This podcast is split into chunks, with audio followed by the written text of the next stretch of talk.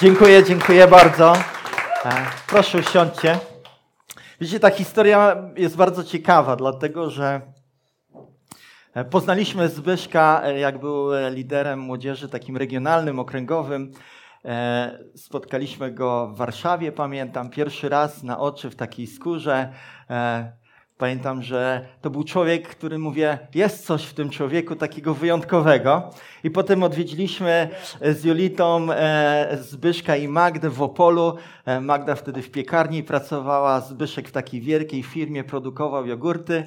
Mijali się w drzwiach i mówimy, mamy dla was super propozycję. Posłuchajcie. I mówimy tak, Przeprowadźcie się do Kościerzyny, do małego miasteczka z Wielkiego Opola. Nie mamy dla was pensji, nie mamy dla was mieszkania, ale chcemy was widzieć razem w służbie. I powiem tak, tylko wariaci by podjęli takie wyzwanie. I po roku e, Zbyszek dzwoni, mówi, jesteśmy gotowi, a we mnie i w Julicie przerażenie. Ja, oni to chwycili na serio. Więc staraliśmy się o jakąś pensję. E, szukaliśmy mieszkania i pamiętam pewną historię. Zbyszek e, miesiąc przed przyjazdem przyjechał, e, szukaliśmy mieszkania. Okazało się, że to mieszkanie, które znaleźliśmy, nie do końca było w porządku. Coś tam nie, nie, nie, nie grało. I wtedy nasza znajoma mówiła, ja bym wam wynajęła to mieszkanie, ale ja mam ludzi, jeszcze mam umowę na trzy lata i nie ma szans, żeby, żebyście mogli ode mnie wynająć to mieszkanie. I wtedy Julita mówi, to my zaczniemy się modlić i zobaczysz, że Bóg zacznie działać.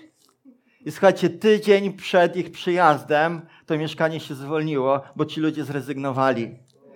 I Zwyszek z Magdą 7 lat tam mieszkali. Miesiąc po miesiącu Bóg tak naprawdę zaopatrywał e, duszpasterstwo młodzieży w to, żeby żeby mogli funkcjonować. To nie była super pensja, to nie było e, e, szczyt marzeń, ale to było coś, co pozwoliło im służyć.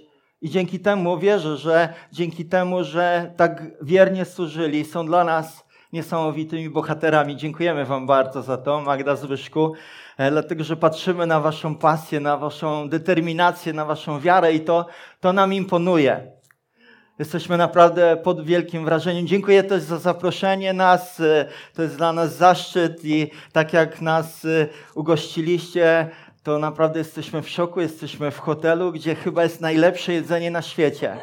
Byłem w różnych miejscach, moja żona cudownie gotuje, ale to, co tam się dzieje, to jak dobrze dają jeść, e, to naprawdę jest coś wyjątkowego. Także wielkie ukłony dla Was, kochani. Chciałbym dzisiaj mówić o takiej historii ze Starego Testamentu, która pozwoli nam e, przejść z takiego miejsca, w którym może utknęliśmy w naszym życiu. E, dlatego, że są chwile i sytuacje w naszym życiu, gdzie, gdzie po prostu nie wiemy, jak dać krok kolejny, jak sprawić, żeby z wiarą pójść dalej. To są takie momenty kryzysowe, gdzie gdzie tracimy siły. I chcę Ci powiedzieć, jeżeli czujesz się dzisiaj bezsilny, to kazanie jest do Ciebie. Ono jest do mnie, bo wiele razy tak się czuję. Bezsilny, ale nie bezradny. I dzisiaj chcę mówić do, do Was, jako do ludzi, którzy może zmagają się albo stoją w miejscu takiej bezsilności. I chcę Ci powiedzieć, Biblia ma, Pismo Święte ma odpowiedź dla Ciebie. Dlatego, że, że czytamy pewną historię i chciałbym, żebyście już otworzyli pierwszą księgę Samuelową i przeczytamy historię o tym, jak modliła się Anna. E, modliła się o swojego syna i chciałbym, żebyśmy czytali od pierwszego rozdziału pierwszej księgi Samuelowej. E, przeczytamy długi fragment. E, jeżeli tobie jest łatwiej, e, słuchać Bożego Słowa, to możesz zamknąć sobie oczy i po prostu słuchać. Jeżeli jest Ci łatwiej podążać, śledzić tekst w Biblii, to możesz otworzyć e, pierwszą księgę Samuelową i będę czytał od pierwszego rozdziału, od wiersza drugiego. Elkana miał dwie żony. Jednej było na imię Anna, a drugiej Penina. Penina miała dzieci, Anna zaś była bezdzietna. Człowiek ten corocznie szedł ze swego miasta do Shilo, był tam oddać pokłon Panu zastępów i złożyć mu ofiary. Kapłani Pana byli tam wówczas dwaj synowie, e, kapłanami e, Pana byli tam wówczas dwaj synowie Helego. Hofni i Pinechas. I rekroć Elkana składał ofiary, dawał swojej żonie Peninie oraz wszystkim jej synom i córkom części ze składanych ofiar. Annie natomiast dawał część podwójną, ponieważ Annę kochał, mimo że Pan odmówił jej potomstwa. Jej przeciwniczka robiła jej przykrości, docinała Annie, że Pan zamknął jej łono. W ten sposób doprowadziła ją do rozpaczy. Tak działo się rok w rok, ilekroć Anna przychodziła do domu Pana. W ten sposób była dręczona, płakała, więc nie jadła. W końcu jej mąż Elkana powiedział do niej, Anno, dlaczego płaczesz i dlaczego nie jesz? Dlaczego jest ci tak smutno na sercu? I tutaj wypowiedział dziwne słowa. Mężczyźni tak potrafią. Czy ja nie jestem dla ciebie lepszy niż dziesięciu synów? Gdy zjedli i wypili w Shilo, Anna wstała. Kapłan Heli siedział w tym czasie na krześle przy odrzwiach świątyni. Ona zaś z goryczą na duszy modliła się do Pana i rzewnie płakała. Złożyła przy tym ślub. Panie zastępów, jeśli naprawdę wejrzysz na niedole swej służebnicy, wspomnisz, na mnie i nie zapomnisz o mnie, jeśli dasz swojej służącej męskiego potomka, to ja oddam go Panu po wszystkie dni jego życia i brzytwa nie dotnie mu głowy. Gdy tak długo modliła się przed Panem, Heli śledził jej usta. Anna mówiła z serca, ledwie drżały jej wargi, nie wydawała głosu. Heli uznał, że jest pijana. Jak długo będziesz się upijać przy ganiu? Skończ wreszcie z tym winem. Nie mój panie, wyjaśniła Anna. Jestem kobietą znękaną na duchu. Wina ani piwa nie pijam. Wylałam przed Panem swą duszę. Nie zaliczaj swej służącej do kobiet niegodziwych. Przez cały czas mówiłam z głębi mojej troski i wielkiego strapienia. Wtedy Heli odezwał się do niej tymi słowy: Idź w pokoju, niech Bóg Izraela ziści to pragnienie, którego spełnienia od niego oczekujesz. Oby twoja służąca znalazła łaskę w twych oczach, odpowiedziała Anna. Potem poszła swą drogą, spożyła posiłek i smutek już nie gasił jej twarzy. Następnego dnia wstali wcześnie rano, pokłonili się Panu i ruszyli z powrotem do swego domu w Ramie. A gdy Elkana przyłączył się z Anną, swoją żoną, Pan wspomniał na nią. Po upływie stosownego czasu Anna poczęła i urodziła syna. Nadała mu imię Samuel, Mówiła bowiem, od Pana go wyprosiłam. Gdy Elkana wraz z całą swoją rodziną znów udał się, by złożyć Panu doroczną ofiarę oraz to, co ślubował, Anna z nim nie poszła. Powiedziała do męża, gdy odstawię chłopca od piersi, wtedy zaprowadzę go, aby zjawił się przed Panem i został tam już na zawsze. Elkana, jej mąż, przystał na to. Czyń to, co uznasz za słuszne w swoich oczach. Pozostań, aż dostawi, odstawisz go od piersi, Niech Pan spełni swoje słowo. I Anna pozostała w domu, karmiła swego syna, aż w końcu nadszedł czas odstawienia go od piersi. A kiedy odstawiła go od piersi, wtedy zabrała go z sobą, wzięła także trzy cielce, efę mąki i bokłak wina. Zaprowadziła go do domu Pana, do Silo, chociaż chłopiec nie był jeszcze dzieckiem. Chociaż chłopiec, przepraszam, był jeszcze dzieckiem. Tam złożyli w ofierze cielca, a chłopca zaprowadzili do Helego. Anna powiedziała: Pozwól, że przemówię, panie. Na Twoje życie, mój panie. Ja jestem tą kobietą, która stała tu przy Tobie i modliła się do Pana. Modliłam się o tego chłopca. Pan ziścił moje pragnienie, którego spełnienia od niego oczekiwałem. A teraz ja chcę uczynić tego chłopca spełnioną prośbą Pana po wszystkie dni, dopóki będzie żył. Niech będzie tym wyproszonym dla Pana, a potem pokłonili się tam Panu. Może trochę niezrozumiała historia dla nas, bo żyjemy w kulturze, gdzie nie ma wielożeństwa. Ale w tamtych czasach e, e, Elkana miał dwie żony. E, nie wiem, jak on sobie radził. To jest dla mnie zagadka. Jak można sobie poradzić w takiej sytuacji? Ale niesamowite jest to, że zawsze, kiedy jest wybór, to zawsze jest też preferencja. I Elkana preferował bardziej Annę, mimo tego, że była bezdzietna, a Penina była tą osobą, której się wiodło pod względem dzietności, ale była trochę na marginesie zainteresowań Elkany. I to rodziło napięcia, to rodziło konflikt, to zrodziło tak naprawdę e, pewne, pewne problemy w tej rodzinie. I w tej sytuacji Bóg wkracza do akcji i widzimy Annę, która jest tak bardzo zdeterminowana, tak bardzo jej zależy na tym, żeby mieć swojego potomka, żeby mieć syna. E, problem bezdzietności, szczególnie w tamtych czasach, był bardzo mocno związany z tym, że ludzie myśleli, że to jest kara Boża, że to jest pewne odtrącenie Boga, ale Bóg tak nie traktuje spraw. Chcę to wyraźnie powiedzieć. Z czymkolwiek się borykasz, to nie jest, e, to nie jest sytuacja bez wyjścia. Kiedy się modlisz, kiedy jesteś e, pełna, pełny wiary, to możesz oczekiwać wielkich rzeczy od Boga. I chciałbym dzisiaj e, mówić o trzech rzeczach, które są, wynikają z tego e, fragmentu. Tak naprawdę, jeżeli jesteś w sytuacji, gdzie ktoś cię źle potraktował, gdzie e, w jakimś momencie doświadczasz w swoim życiu pewnej blokady i nie możesz przejść dalej, nie możesz sięgnąć po rzeczy, które wiesz, że są dla ciebie przeznaczone, ale jednak doświadczasz pewnej bezsilności, to wiesz, że dzisiaj Bóg chce do nas przemówić i chce e, wzbudzić e, w naszych modlitwach na nowo pasję, na nowo wiarę i na nowo determinację. Dlatego, że przez modlitwę dzieją się wyjątkowe rzeczy.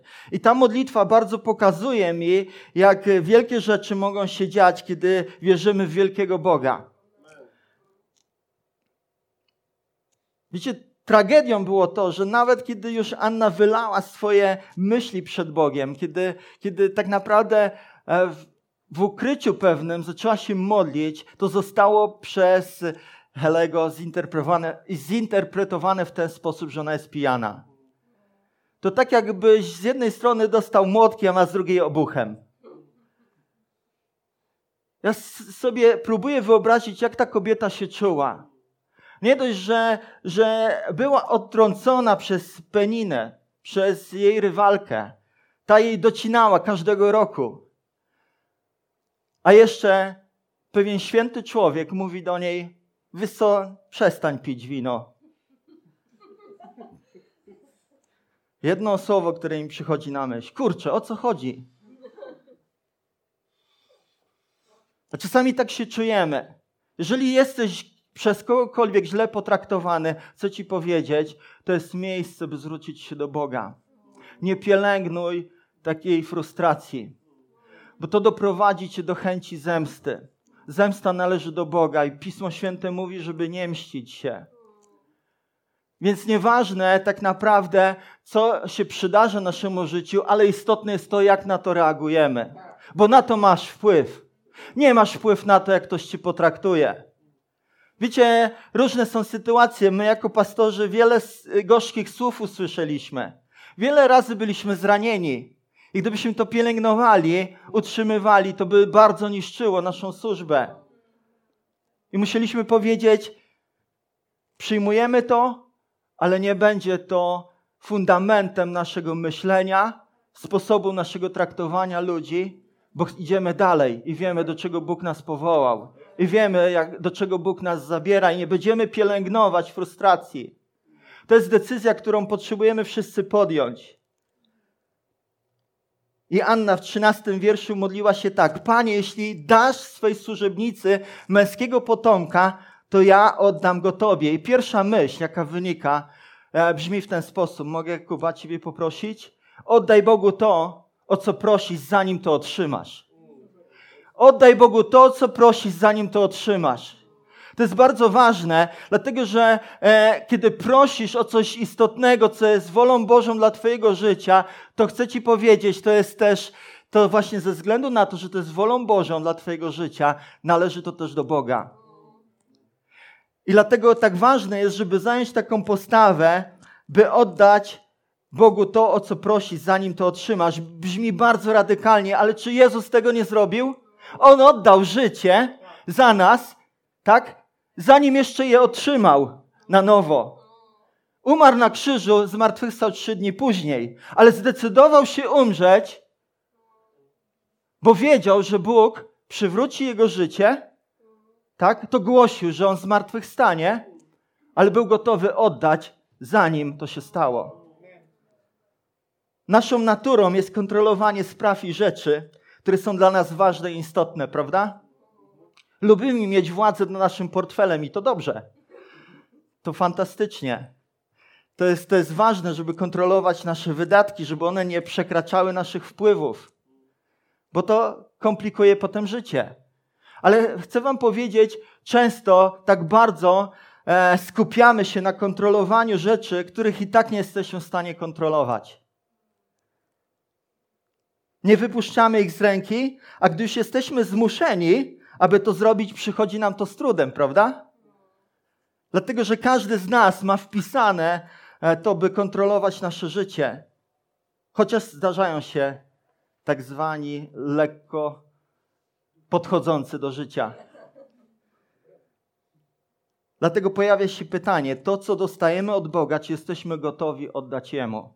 Czy jesteś gotowy oddać Mu swoją rodzinę, swoje mieszkanie, swój portfel, swoją pracę, swoje plany, swoje ambicje, swoje marzenia? Czy to wszystko jesteś gotowy oddać Bogu? Czy jesteś gotowy uznać to, że On ostatecznie kontroluje wszystko w Twoim życiu? Czy tą prawdę jesteśmy w stanie uznać? To jest tak kluczowe, tak ważne.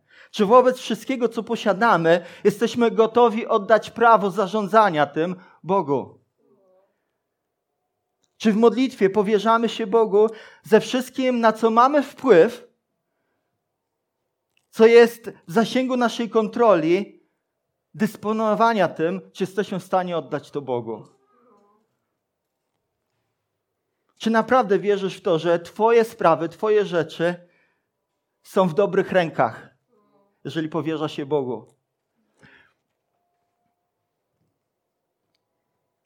Wiecie, to nie było na, takie łatwe oddać swojego syna na służbę Helemu. Dwa tygodnie temu nasz syn opuścił nasz dom po raz drugi, bo ostatni rok mieszkał w Szkocji, ma 21 lat e, i podjął decyzję, że pojedzie do pracy do Szkocji, by zarobić na swoją szkołę biblijną. Przyjechał w czerwcu, spędził e, e, trochę z nami, trochę z dziadkami, trochę z znajomymi czas. I dwa tygodnie temu wyruszył w swoją podróż do, do Manchesteru. Jest tam w szkole biblijnej, w nowej kulturze, w nowym miejscu, wśród nowych ludzi, nieznanych mu do końca. Część z nich zna, część nie. E, uczy się tam służyć, poznaje ludzi, poznaje służbę, poznaje Boga. Ale chcę Wam powiedzieć, to nie było łatwe dla nas, kiedy zawoziliśmy go na lotnisko. Ja chciałem płakać. Powstrzymywałem swoje łzy. Dlatego, że to jest bardzo trudne dla rodzica, kiedy dziecko opuszcza jego dom. Więc to są bardzo realne doświadczenia. Jeżeli czujesz się w swoim życiu opuszczony, albo ktoś ciebie opuszcza, to nie neguj, nie wypieraj tych emocji. To jest coś realnego. I dlatego widzimy, jak to, że e, Anna chciała przedłużyć ten czas bycia ze swoim synem, zanim odstawi go od piersi, tak? Dopiero potem mówiła: Pójdę z tobą, mój mężu, złożymy tę ofiarę razem. Wtedy składano ofiary. Więc ona przedłużała ten czas. Dlatego, że chciała jeszcze być trochę ze swoim synem, chciała nacieszyć się byciem matką. I druga myśl jest taka: Pan zrealizował moje pragnienia, którego spełnienia od Niego oczekiwałam. Werset 17.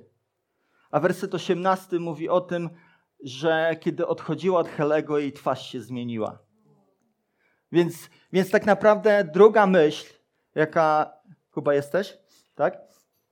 Druga myśl, uwielbiaj Boga i dedykuj, albo kolejny slajd, przepraszam do tego wrócimy. Wierz Bogu, ponieważ to, co to wzbudza oczekiwania Jego działania i cię zmienia. To jest to, co chcę powiedzieć, jaką drugą myśl. wynikającą z tego fragmentu. Wiesz, bo, bo wiara zawsze wzbudza oczekiwanie Bożego działania i odmienia cię, zmienia cię. Dlatego tak ważne jest, by wierzyć. Czy Twoje oczekiwania są na miarę Boga? Kiedy wierzysz Bogu, Twoje oczekiwania, Jego działania mogą być ogromne, bo ogromny jest Bóg. Wielki jest Bóg, dlatego Bóg nie boi się naszych wielkich oczekiwań. Kiedy stajesz przed ogromnym wyzwaniem, kiedy wiesz, że sam sobie nie poradzisz, to jest najlepsze miejsce, w którym Bóg chce Ciebie przenieść, przeprowadzić przez to, błogosławić Ciebie. Wiecie co, miesiąc temu e, długo się modliliśmy o nowe miejsce dla kościoła. Pół roku jeździłem, oglądałem różne miejsca. E, ceny były kosmiczne. Nie wiem skąd ktoś w ogóle wy, wymyślił, żeby tyle e, kasy brać za wynajem sali. A w końcu udało nam się coś znaleźć. Coś, co nie jest idealne, ale coś, co wierzymy, że jest na ten czas dla kościoła. I po takich wstępnych rozmowach zaprosiliśmy kluczowe osoby do tego, żebyśmy mogli wspólnie podjąć decyzję, czy w to wchodzimy, czy nie, czy szukamy dalej. I wszyscy mówią: wchodzimy w to, wchodzimy, podekscytowani. A ja zdawałem sobie sprawę, ile to nas będzie kosztować. I że my nie mamy na to pieniędzy. I że dając ten krok, musimy uwierzyć Bogu. Musimy zdać się na Boga. E, w kasie było pusto, bo wszystko rozdawaliśmy, żeby po prostu łączyć nasze życie z życiem Gdynian, e, żebyśmy mogli e, po prostu budować kościół, który służy naszemu miastu, który dzieli się tym przesłaniem o Chrystusie z każdym napotkanym człowiekiem. Więc wyzbyliśmy się z każdej kasy, nie mieliśmy żadnych oszczędności i nagle taka decyzja. I wszyscy mówią, pastorze, wchodzimy w to, wchodzimy w to. Ja mówię, 42 tysiące po wstępnych obliczeniach potrzebujemy. A wszyscy duże oczy. Ja mówię, wiecie co? I część z tego Bóg czyni nas odpowiedzialnymi. Naprawdę? No tak. I chcę wam powiedzieć, dwa tygodnie później połowę z tego otrzymaliśmy. Dzisiaj nasza, nasze wpływy rosną w kościele, bo ludzie są podekscytowani, bo uwierzyli, że dajemy kolejny krok. I to jest ważne, żeby wierzyć Bogu, nawet jeżeli perspektywa nie, nie jest taka, wiecie, prosta, łatwa. To jest najlepszy moment, żeby uwierzyć Mu. Anna była w takiej sytuacji. Co jej pozostało? Wierzyć Bogu.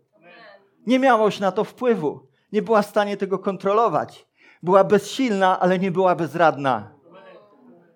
Zwróciła się do Boga, złożyła mu obietnicę, powiedziała: Jeżeli dasz mi syna, Boże, to ja go oddam Tobie. A potem zaczęła wierzyć i uwielbiać Boga. Jest napisane, że oni pokłonili się Panu i że kiedy odchodzili już od y, Helego, to jej twarz się zmieniła. Jeden z przykładów, który bardzo lubię, The Message, taka angielska wersja Biblii, jest napisane, że ona serdecznie spożyła posiłek, a potem jej twarz promieniała.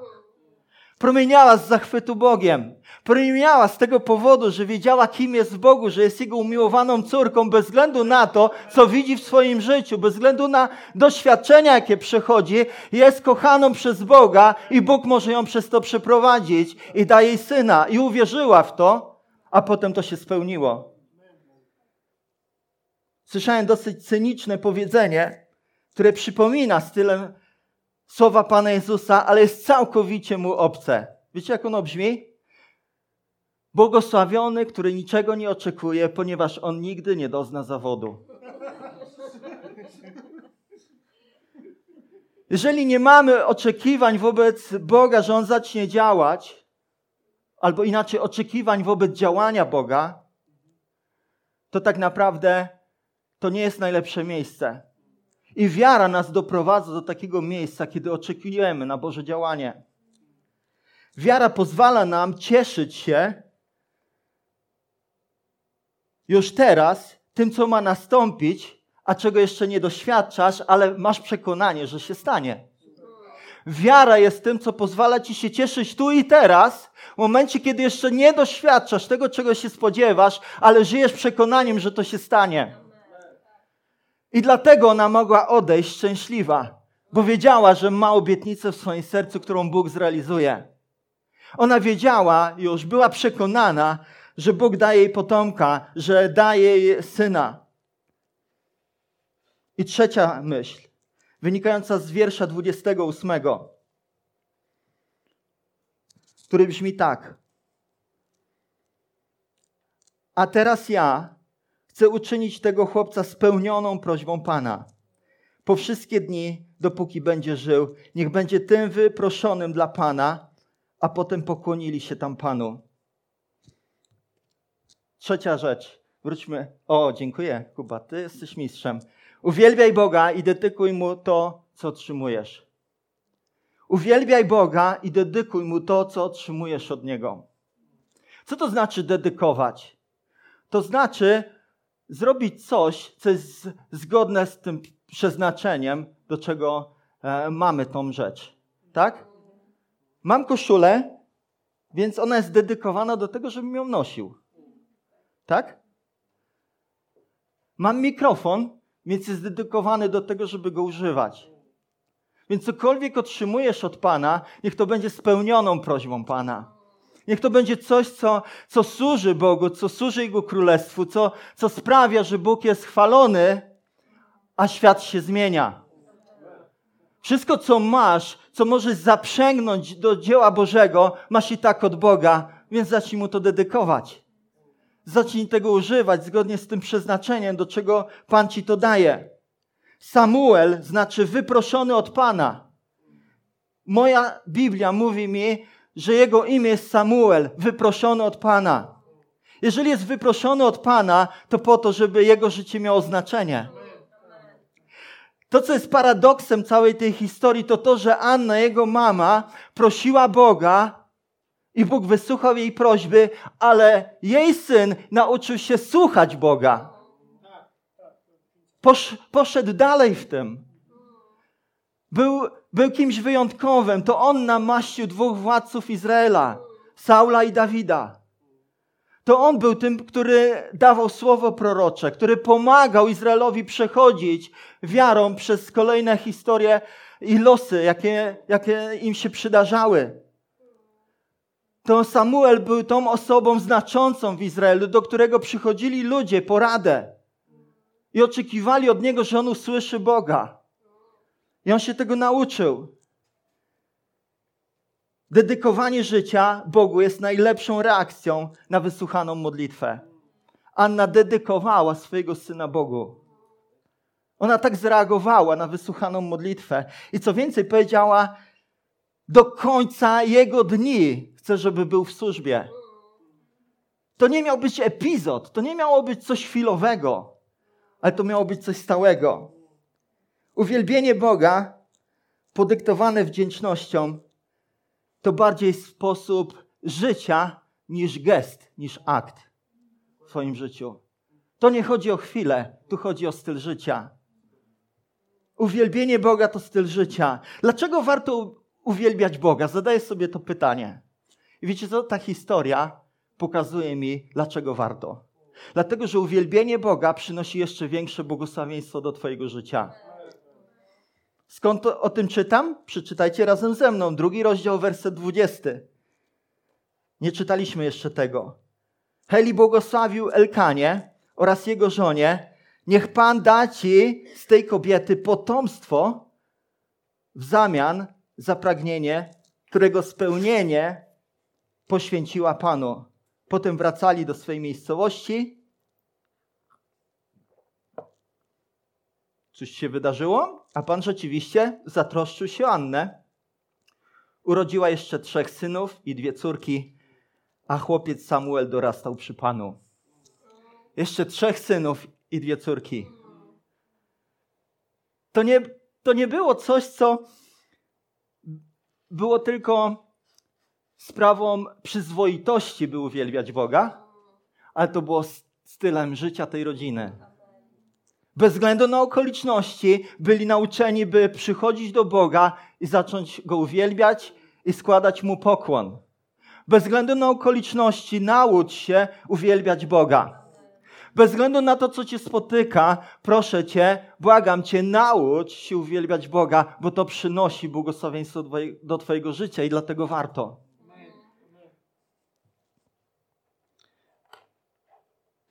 Dedykowanie Bogu tego, co dla nas spełnił, niesie jeszcze większe błogosławieństwa. Czytaliśmy tą historię i widzimy, że Bóg rozwiązał ten sznurek, ten worek niemocy,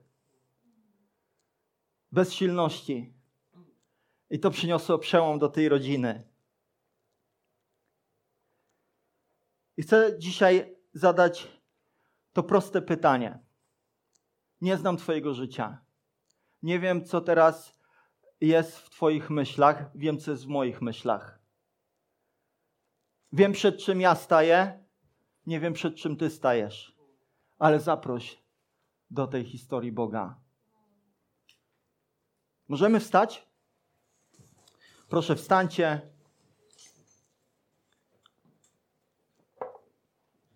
Poproszę zespół.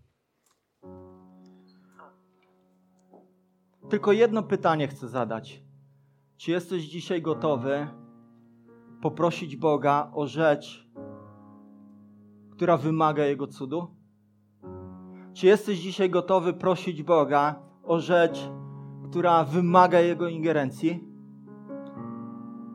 A zatem, czy jesteś gotowy oddać już Mu to, czego jeszcze nie otrzymałeś, ale wierzysz, że otrzymasz? Bóg to honoruje. Bóg honoruje, kiedy my modlimy się w wielki sposób, który Go honoruje i honoruje Jego wielkość. Bóg lubi, kiedy Jego Kościół, Jego ludzie, kiedy ludzie po prostu okazują Mu wiarę, okazują Mu cześć przez wielkość swoich modlitw. Widzicie, nie proś Boga o coś, co możesz zrobić sam. Ja nie proszę Boga o to, co mam włożyć do pralki, bo i tak tego nie potrafię. Nie potrafię prać. Ale nie proszę Boga o to, jak mam wbić gwóźdź, bo to potrafię. Ale są rzeczy, których nie potrafię, których nie wiem, których nie rozumiem, których nie jestem w stanie kontrolować, których nie jestem w stanie sam z własnej woli zrobić, bo one mnie przerażają, nie, nie mogę tego kontrolować, ale Bóg jest w stanie. I dzisiaj ja o to chcę się z Tobą modlić. Jeżeli jesteś w takiej sytuacji, zapraszam Cię do przodu, kiedy zespół będzie śpiewał, będzie grał. Chcemy się z Tobą modlić, chcemy Ciebie wesprzeć, chcemy powiedzieć Bogu, stajemy z Tobą i ufamy Bogu. Jeżeli jesteś w takiej sytuacji, jeżeli coś porusza Twoje emocje, gdzieś utknęłeś, utknęłaś w swoim życiu i potrzebujesz Boga, to to jest teraz moment, kiedy możemy Tobie służyć w modlitwie i przyjąć od Boga to, co On ma zamiar zrobić. Przyjąć to przez wiarę, a potem oddać to Bogu i oddać Mu chwałę za to i wspólnie razem będziemy uwielbiać potem Boga. Co Ty na to? Zapraszam Was do modlitwy.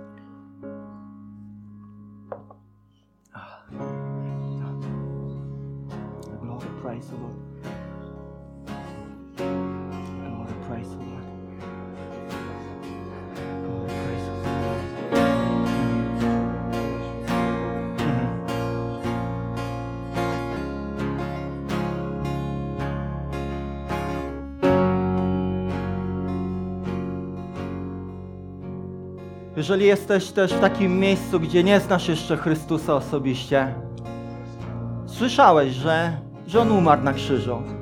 Słyszałeś o tym, że zmartwychwstał. Nawet to świętowałeś. Ale nigdy nie myślałeś o tym, że zrobił to osobiście dla Ciebie i za Ciebie. To dzisiaj chcę Cię zaprosić do takiego miejsca, gdzie możesz powiedzieć Jezu, przebacz mi moje grzechy. Chcę Ci powiedzieć, nikt z nas nie rodzi się niewinnym. Każdy z nas już przychodzi na ten świat ze skazą, z pewną zdolnością do tego, żeby swoim postępowaniem, swoim stylem życia zakłócać tą relację naszą z Bogiem. Ale po to Jezus umarł na krzyżu, żeby, żebyś Ty mógł przejść przez ten pomost do Boga i pojednać się z Nim. Jeżeli chcesz to dzisiaj zrobić, to to się dzieje przez modlitwę. Ja to zrobiłem 25 lat temu. I nie żałuję żadnego dnia. Dlatego, że wtedy Bóg uratował moje życie. Chciałem popełnić samobójstwo, ale Bóg je uratował. Chciałem ze sobą skończyć, ale Bóg je uratował i miał pewien plan dla mojego życia. Jeżeli chcesz zrozumieć, a to jest najważniejsze e, pytanie, jakie powinniśmy sobie zadać, z jakiego powodu żyję, jaki jest cel mojego życia, to chcę Ci powiedzieć, Bóg zna ten plan. A na pewno tym planem jest życie z Nim w zgodzie, w jedności. Jeżeli chcesz dzisiaj ta, tak modlić się, to zapraszam Cię do takiej modlitwy. Możesz podążać za mną w tej modlitwie albo wyrazić to samo swoimi słowami. Bóg to honoruje. Bóg to szanuje.